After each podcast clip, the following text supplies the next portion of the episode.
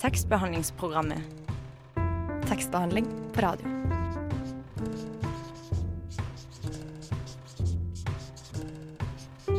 Tekstbehandlingsprogrammet.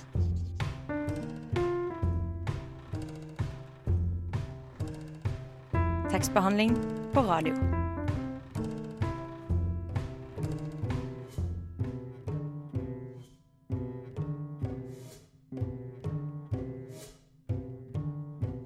Velkommen til en ny sending med tekstbehandlingsprogrammet. Det er onsdag, trærne har skiftet farge, og høstforkjølelsen er i aller høyeste grad her. Jeg heter Marie Valestad, og ved min side i dag er Ylva Nordbø. God morgen, god morgen. God morgen. Ja, du sitter jo og snufser litt der borte, Marie. Eh, men eh, det er, altså, det er jo litt kjipt, da. Men det er noe fint ved høsten nå, er det ikke? Jo Ja. det er jo loppemarkedssesong, da. Det er jo litt fint. Det er en uh, stor klisjé, men det er en god sjanse til å skaffe seg litt uh, gode bøker for en veldig billig penge. Uh, jeg har allerede begynt. og så er det også lov å ha med seg sånn instant kakao på skolen, fordi det er litt teit ellers i året, men nå er det liksom greit. Og jeg syns jo det er bra. Hvilke bøker har du kjøpt? Jeg har kjøpt eh, Min Kamp 2. Fordi jeg kjøpte Min Kamp 1 på et loppemarked for sånn to år siden og leste den, så jeg har aldri giddet å lese den videre hvis jeg ikke kunne få den eh, nesten helt gratis. Eh, så nå fant jeg den, da. Så jeg har kjøpt Tove Ditlevsen. Den jeg har lest. Den var helt sykt bra. Og Milan Kundera. Det gleder jeg meg til å lese. Hva med deg? Har du noen høstfavoritter?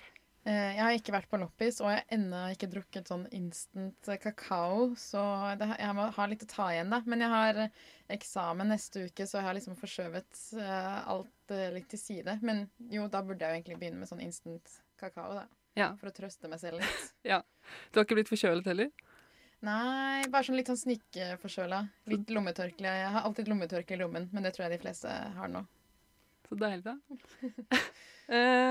Vi har en litt sammensatt sending eh, til dere lyttere i dag. I helgen var Oslo internasjonale poesifestival. De hadde også tiårsjubileum. Og et eh, tidligere redaksjonsmedlem var der, og hun kommer til oss og skal fortelle litt om festivalen. Tok opp litt lyd og sånn. Og så skal vi jo ha et eh, gjenhør i dag med et, eh, et intervju fra i vår eh, med han redaktøren for den engelske, engelske kanal, Jørn Svern. Mm. Og så kommer redaksjonsmedlem Hedda Rosenberg til studio, for hun skal anmelde den nyeste boka til Merete Lindstrøm, som heter Fra vinterarkivene. Mm. Eh, så det blir bra. Men vi skal begynne med Oslo Internasjonal Poesifestival etter låta 'Band of Gold in the Movie Baby'. Band of Gold in the Movie Baby hørte vi der. En deilig låt som var avlista på Nova for noen uker siden. Nå i helgen ble Oslo internasjonale poesifestival avholdt. De hadde tiårsjubileum, eh, og et tidligere redaksjonsmedlem, Maiken Bolseth, dekket festivalen for oss, og hun er med oss i studio. Hei, Maiken. Hei. Eh, vi tenkte vi skulle begynne med å høre et lite opptak du gjorde fra festivalen. Ja. Et lite et. Ja. Er det sant at man kan veie sjelen? Jeg visste ikke at sjelen var så tung. Jeg kjenner vekten av den over tid. Bærer den med meg gjennom gangene, legger den fra meg på senga, opp trappa. Jeg vet ikke hvor lenge man skal fortsette slik. Skuddene mine litt tyngre for hver dag. Nakken litt lutere. Men hunden følger etter meg, selv om jeg ikke engang vet hvor jeg skal. Jeg spør ikke om vanskelige ting. Den fjerner bare pinner fra håret mitt, borer fra tøyet, slikker håndtrykkene av hendene mine. En annen, men likeverdig måte å være i verden på. Kom, sier jeg til hunden. Kom, hund. Jeg forstår ikke lenger hva menneskene sier. De snakker ustanselig. Men jeg skjønner ikke hva de vil. Hva var det vi hørte her, Maiken? Her eh, Dette var faktisk det første arrangementet jeg var på. Det var på fredag.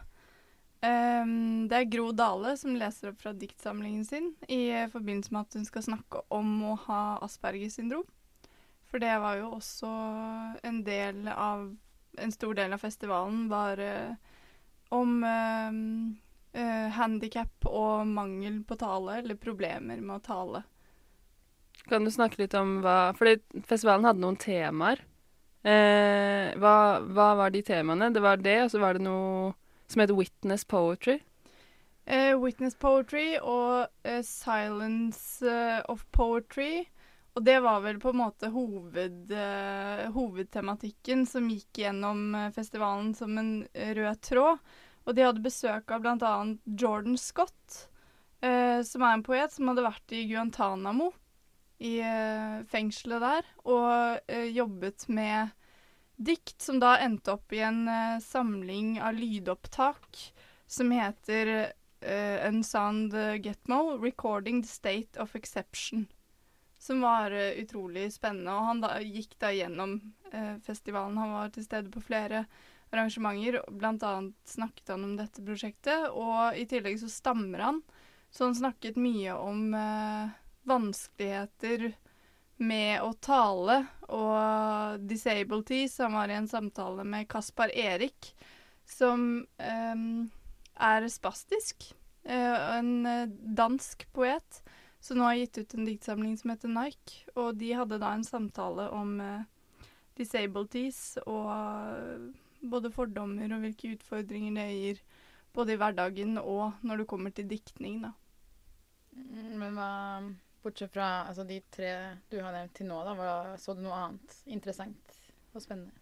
Det var Eh, det var mye spennende. Det, det gikk jo over uh, flere dager. Uh, jeg fikk ikke med meg alt, men det var også et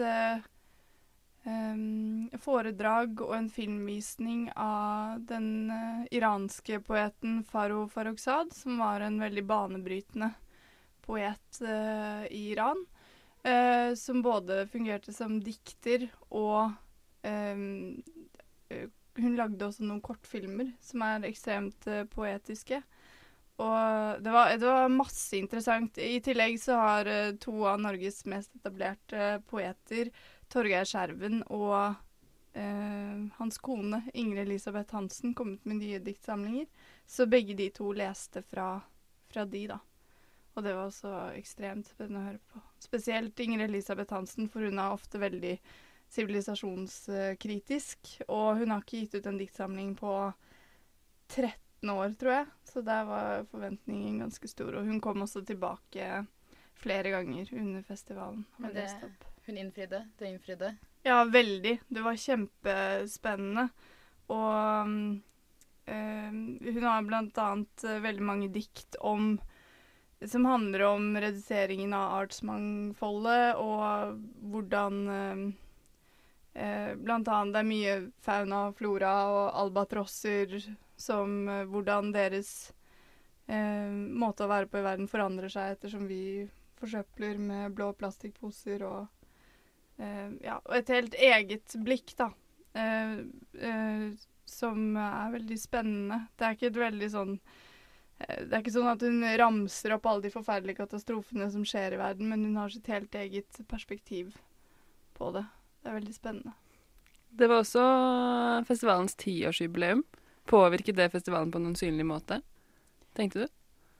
Nei, jeg syns det var litt uh, labert. Sånn uh, både med tanke på oppmøtet, som uh, jeg var litt skuffet over. Det var ikke så veldig mange der. Bortsett fra en samtale om uh, Polselan av Peter Waterhouse og Uliana Wolff, så var det egentlig ganske få. Uh, noe som jeg syntes var litt kjedelig. Og også husker jeg at uh, Poesifestivalen avsluttet veldig brått. Det var veldig sånn Det var siste foredrag, nå går vi hjem. Og så sprang vel alle til sitt. Med mindre alle samlet seg, og det bare var jeg som gikk hjem da og ikke fikk med meg at det var en stor fest etterpå. Vi får håpe det ikke var sånn. Eh, takk, Maiken, for at du kom og delte dette med oss. Vær så god. Eh, vi skal høre en låt. Eh, Barnes Courtney med 'Glitter and Gold'.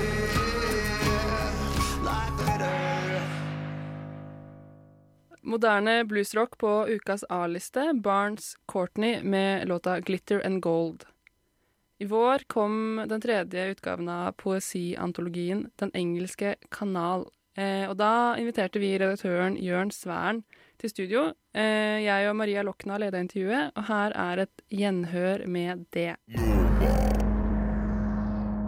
Eh, vi er tekstbehandlingsprogrammet på Radio Nova, og vi har altså nå Jørn Svern her i studio, redaktør for Den engelske kanal. Velkommen til deg. Takk. Eh, og ja, jeg sa det jo litt i stad, men Den engelske kanal er en poesiantologi som har nå blitt utgitt i sin tredje utgave, 2015. Eh, men eh, ja, du kan jo kanskje fortelle litt sånn veldig kort hva Den engelske kanal er, Mm. utover det. Jeg kan jo begynne hvordan den ble til, rett og slett.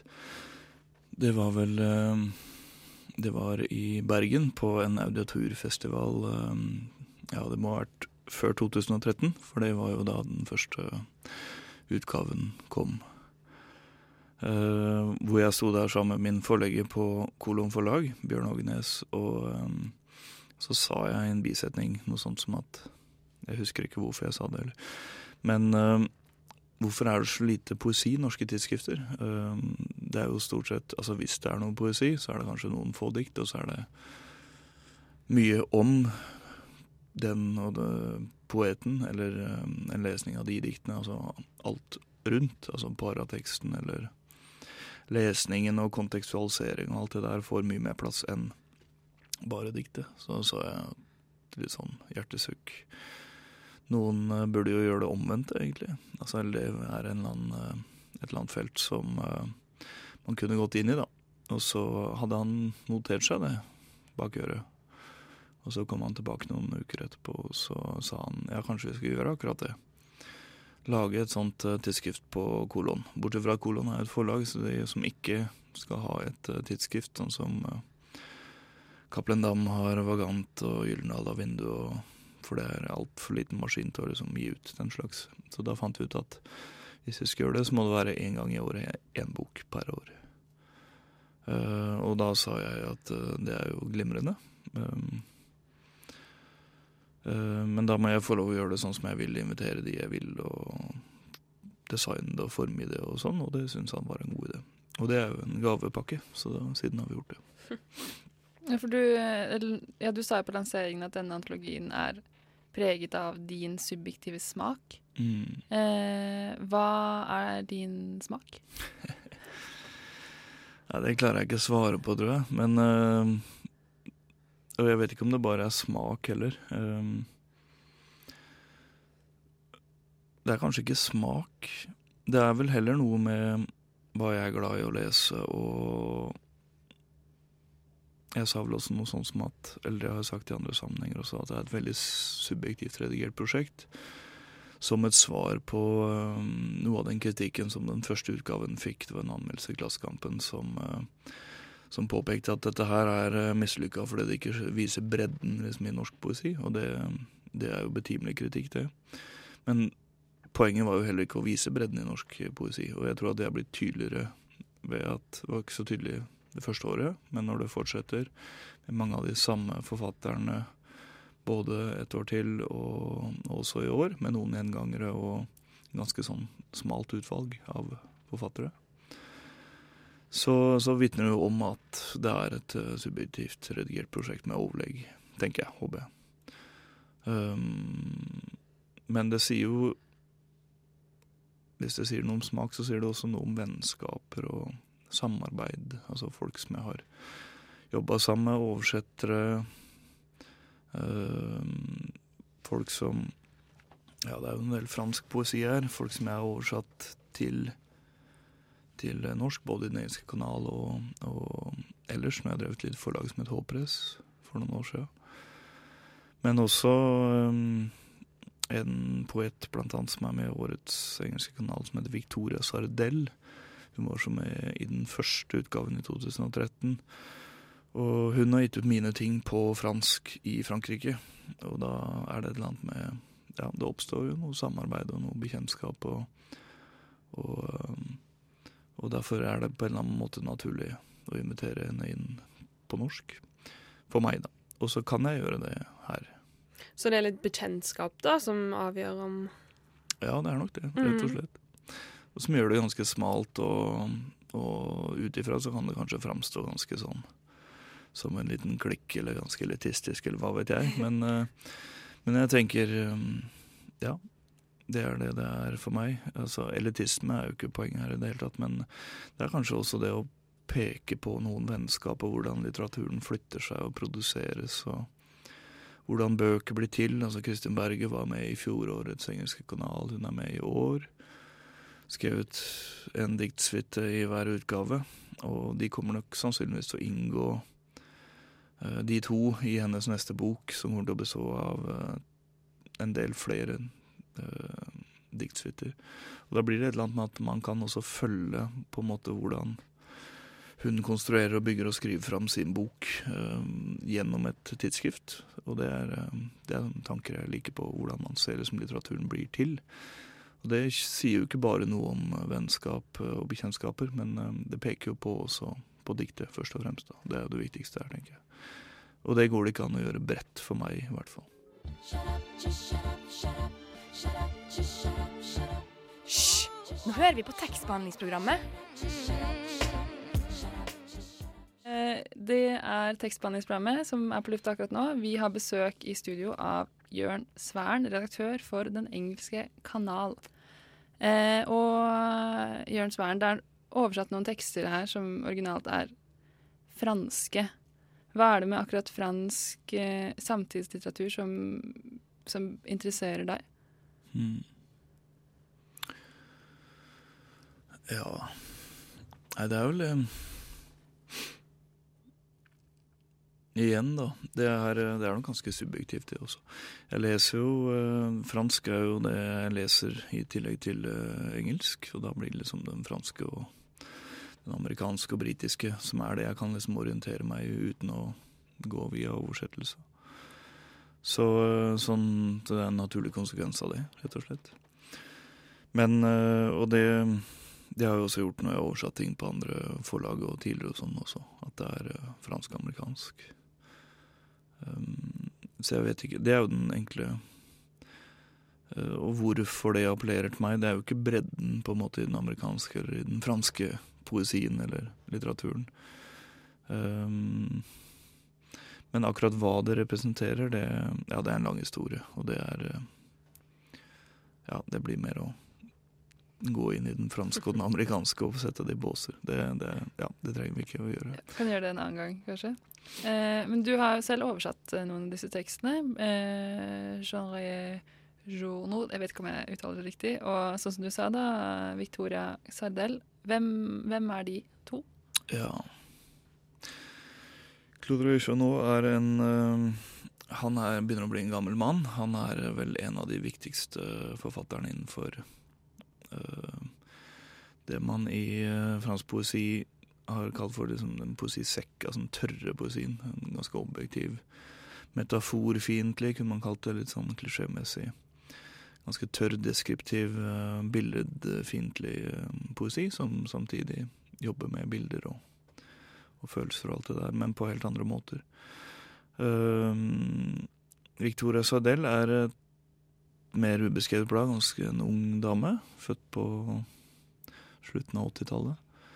Um, som jeg bare ja, syns hun skriver kjempefine tekster. Hun har også mange tidsskrifter, faktisk. Og um, veldig mange av de setter hun for hånd selv. Hun har et lite trykkeri med blysats og lager bøkene for hånd. Som også en del sånn ja, type ting som jeg jobba med sjøl. Så det er en eller annen sånn En eller annen uh, familiebånd der i arbeids... Altså nærheten til, til uh, produksjonsmidlene, holdt jeg på å si. Um, uh, ja. Jeg lurte på um vi snakket jo litt om her eh, før at uh, den engelske kanalen ikke har som mål å, å, vise noen bredde. Men tenker du at det er spesielt interesserte som skal lese den, eller kan det være en inngangsport for, uh, mm. til poesien for hvem som helst?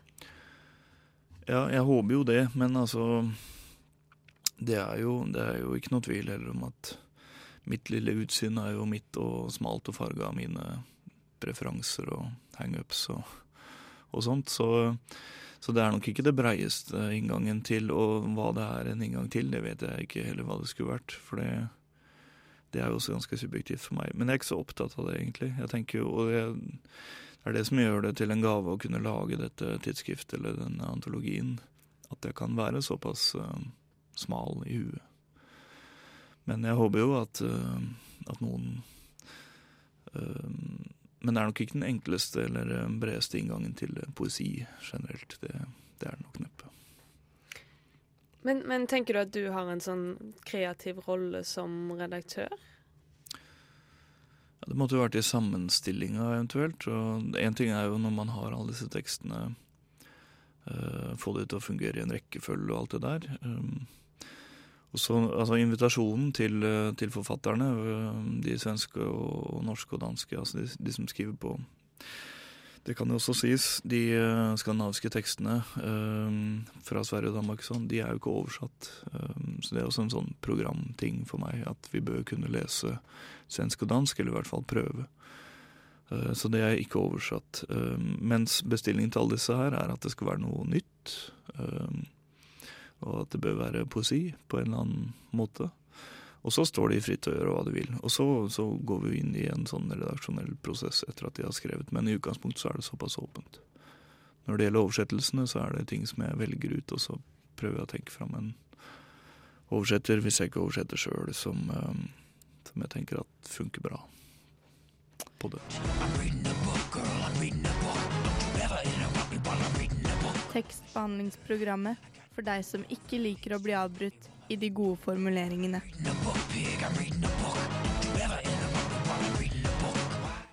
Redaktøren for den engelske kanalen, Jørn Svern er fremdeles gjest hos oss i tekstbehandlingsprogrammet.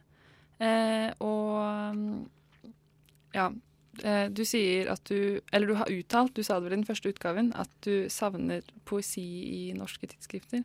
Og at eh, den engelske kanal skal bøte på det. Eh, og samtidig så, så, har du fylt denne utgaven fra 2015 med 30 sider med, med bilder av dykkerdrakter. Og så eh, tenkte jeg bare, eller slo meg litt sånn Hvorfor eh, får det så mye plass hvis du savner, savner mer poesi? Mm. Ja, det er et jævla godt spørsmål. Altså, eller uh, forlengelsen av det. Du nevnte noe sånt for meg før vi gikk i studio også, at, uh, at, du hadde tenkt å spørre om det. Og, og, det fikk meg til å tenke litt. Uh, for jeg tenker jo at alt dette her er poesi, så jeg ble sånn Men er det ikke bare poesien her? bildene er jo et opplagt opplagt noe annet. Um, Uh, men det er kanskje tydeligere også i de forrige utgavene, altså to foregående årene, at, uh, hvor det også er plass til noen prosatekster. Som på en måte har noe av det poesien har i mitt hue. Altså konsentrasjon, intensitet, altså noe typisk sånn poetiske altså Det dreier seg ikke om at det må se ut som et dikt på sida. Bildene gjør jo ikke det i det hele tatt. Det Amalie Smith, som har lagd det bidraget, hun er både billedkunstner og, og forfatter skrevet romaner og dikt. Og. Så hun, hadde, hun sa egentlig enten så har jeg en tekst, eh, eller så har jeg jobba en del med, med dykkerdrakter i det siste. Så har jeg en del billedmateriale. Så tenkte jeg i den engelske kanal så er jo det perfekt med noen gamle dykkerdrakter. Tre snitt av, av diverse drømmer om dykkerdrakter opp gjennom historien helt fra antikken. Så det, det var mer det. Men eh, tilbake til Jeg syns det er et jævlig godt spørsmål, for det, hva er poesi, rett og slett? Og Carl Larsson er jo også en annen Carls eh, som har vært med hele veien. Eh, hadde en tekst i den første utgaven, og har også en tekst nå. Svensk poet, men også billedkunstner. Og han sier et eller annet sted at, eller han skriver et sted at 'poetry is the enemy of capitalism'. Og da ble han på en måte utfordra på hva, hva legger du i poesi og prosa. For han er veldig sånn Og da sier han at prosa, det er den enkle definisjonen, er liksom avslutta setninger med store forbokstav og punktum. Og så er det ikke så enkelt, men han kaller liksom hele verden for prosaisk. altså Prosaen er det som omgir oss hele veien. Liksom rutinen og rytmene i livet vårt, og vi tror vi stadig må ha nye biler eller klær eller eh, flere barn eller eh, større leilighet eller Altså alt, alt det som bare tikker og går, da. Og, og vi bare føyer oss inn i den svære fortellingen som, eh, som eh, er diktert av samfunnet eller, eller kapitalismen, hvis du vil være mer paranoid, eller um, Så det poetiske består liksom med å gripe inn i det rykke, liksom, pirke det stygt opp, sprenge det. Så min opplevelse av, eller liksom forståelse av poesi er nok mer i tråd med det. Det dreier seg ikke om hvordan ting ser ut på papir i det hele tatt. Det er jo ikke gitt at det lyser fram av et antologiarbeid, men for meg så er ikke poesi Det er mer en tankemåte enn en uh, sjanger.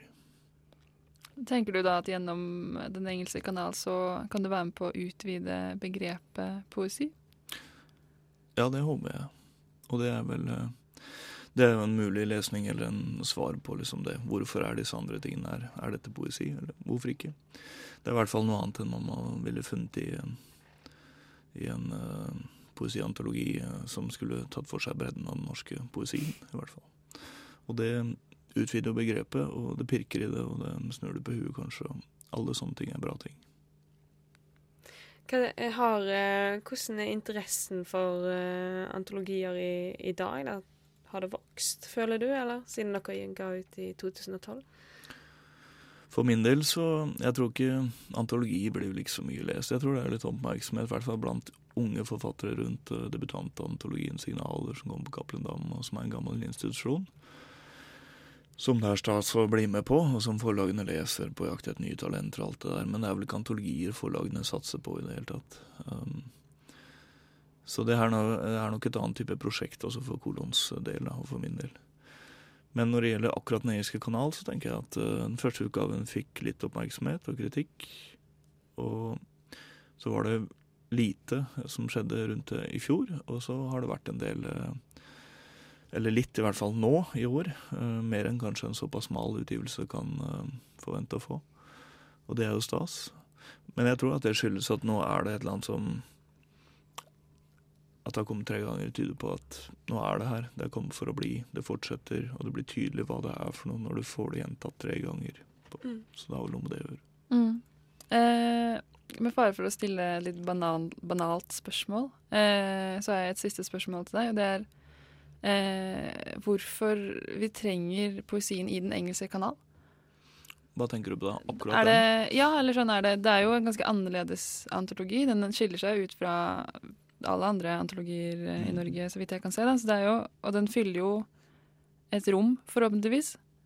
Eh, men hvor, hvorfor trenger det rommet å fylles? Ja, jeg vet ikke om det trenger å Jeg tror at det trenger å etableres. Jeg tror ikke det finnes og må fylles. Jeg tror kanskje det må bare sprenges. Og så sier du jo også kanskje noe, håper jeg, til andre forfattere eller eh, folk som studerer eller skriver og ikke har gitt ut noe. Det er bare å kjøre på. Hvis du ikke får et forlag til å bli med på noe så smalt uh, eller så egenrådig, så, så, kan du gjøre det sjøl. Du kan starte et eget tidsskrift, du kan kjøre din greie. Uh, og det er jo også en side av det. Um, så for meg så er det litt sånn forlagsvirksomhet gjennom et annet forlag, og det er jo en gave igjen. Men det er mer å ja, bare dytte noe sånt inn i en norsk offentlighet, snarere enn å fylle liksom, eller peke på et eller annet som finnes i en norsk offentlighet allerede. Mm. Eh, det var dessverre alt vi rakk, faktisk. Eh, med deg, Jørn Svern. Men tusen takk for at du kom. Tusen hjertelig takk for oppmerksomheten. Tekstbehandlingsprogrammet hver onsdag på Radio Nova klokka ti.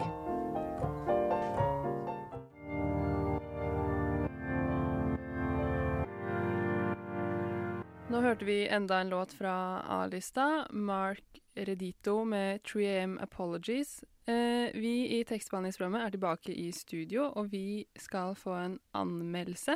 Vi har med oss enda et nytt redaksjonsmedlem. Hedda Rosenberg. Hei, hei. Jeg er ikke helt ny, da. Nei, en nytt, ny på radiosendingen i dag. ja, ny ja. i dag. Ja, takk. Eh, ja. Og du har lest Merete Lindstrøms nyeste roman 'Fra vinterarkivene'. Ja. ja. Jeg har ikke lest den, så du må nesten hjelpe meg litt i gang. Hva slags bok er det? Ja, Eh, fra vinterarkivene. Eh, jeg vil si Først og fremst så er det en roman om hovedpersonen Merete og mannen hennes Mats. Det er en eh, veldig sterk skildring av deres ekteskap og, og, hvordan de to har det sammen. Så det er en veldig utleverende og personlig bok. For Mats han er rusmisbruker, han er psykisk syk, og ja, Det er litt vanskelig å formulere akkurat det her, men jeg syns det står veldig fint bak på boka. da, At han er et menneske som ikke alltid ønsker livet. Men uh, hovedpersonen Merete da, hun har også hatt uh, sine traumer i oppveksten. Så dette er virkelig to personer som har hatt et uh, tøft liv. Um, og det boka gjør, er at den skildrer barndommen til både Merete og Mats. Og det er to oppvekster preget av fattigdom og psykisk sykdom. Um, fordi begge kommer fra lavere sjikt i samfunnet. Uh, så det er ikke en sånn klassisk uh, roman med et sånt handlingsforløp og en konflikt som skal løses. Men, men hvordan er den bygget opp, da? Um, ja, da er det sånn at den er heller mange små historier og flere plottlinjer, um, hvor samlivet mellom Merete og Mats står sentralt. da.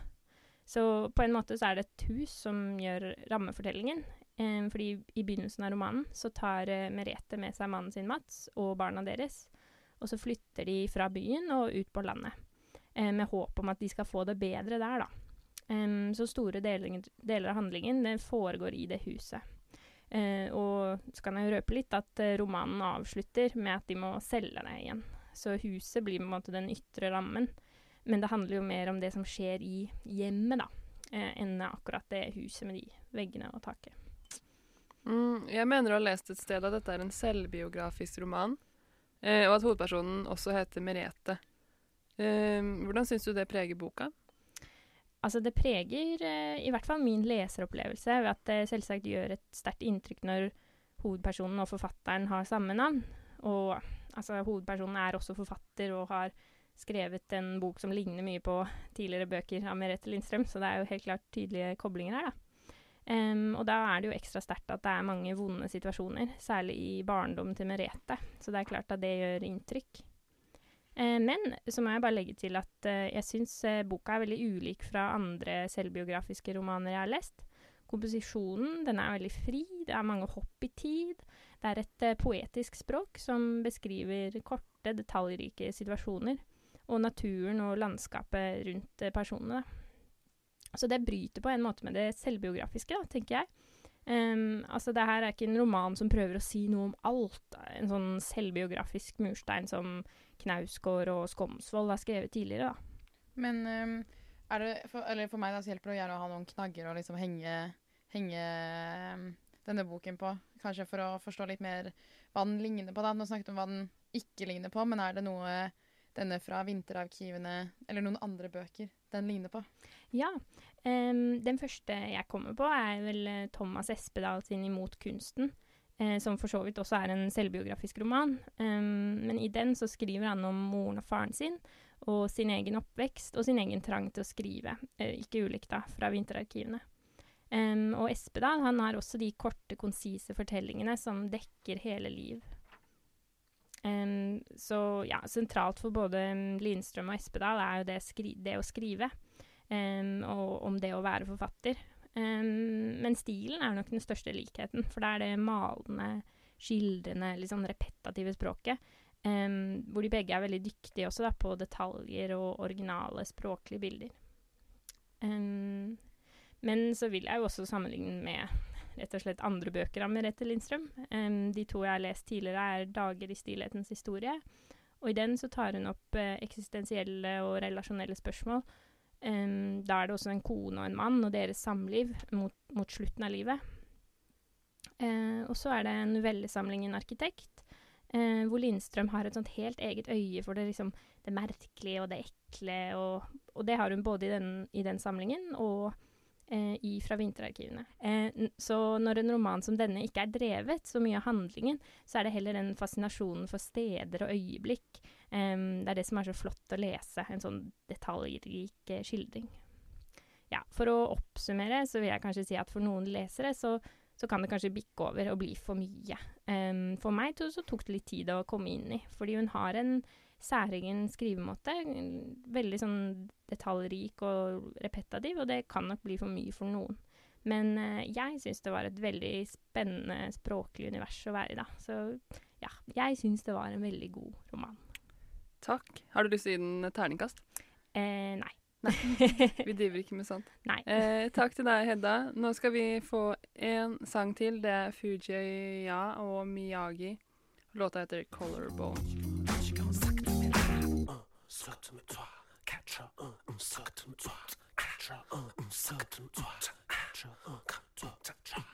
Nå hørte vi akkurat en låt som er en av mine personlige favoritter. Fuija og Miyagi med 'Collarbone'. Eh, det var det.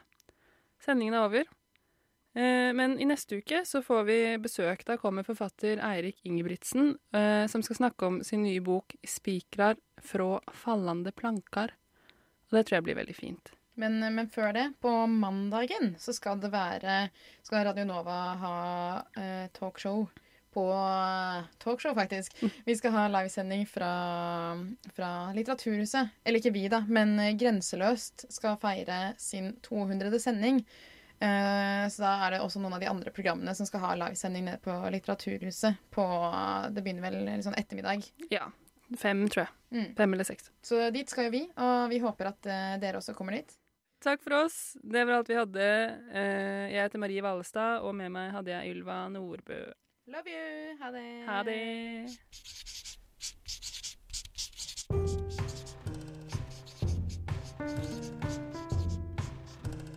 Tekstbehandlingsprogrammet. Tekstbehandling på radio.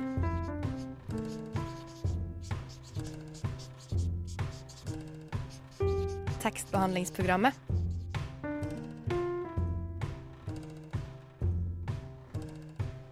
Tekstbehandling på radio.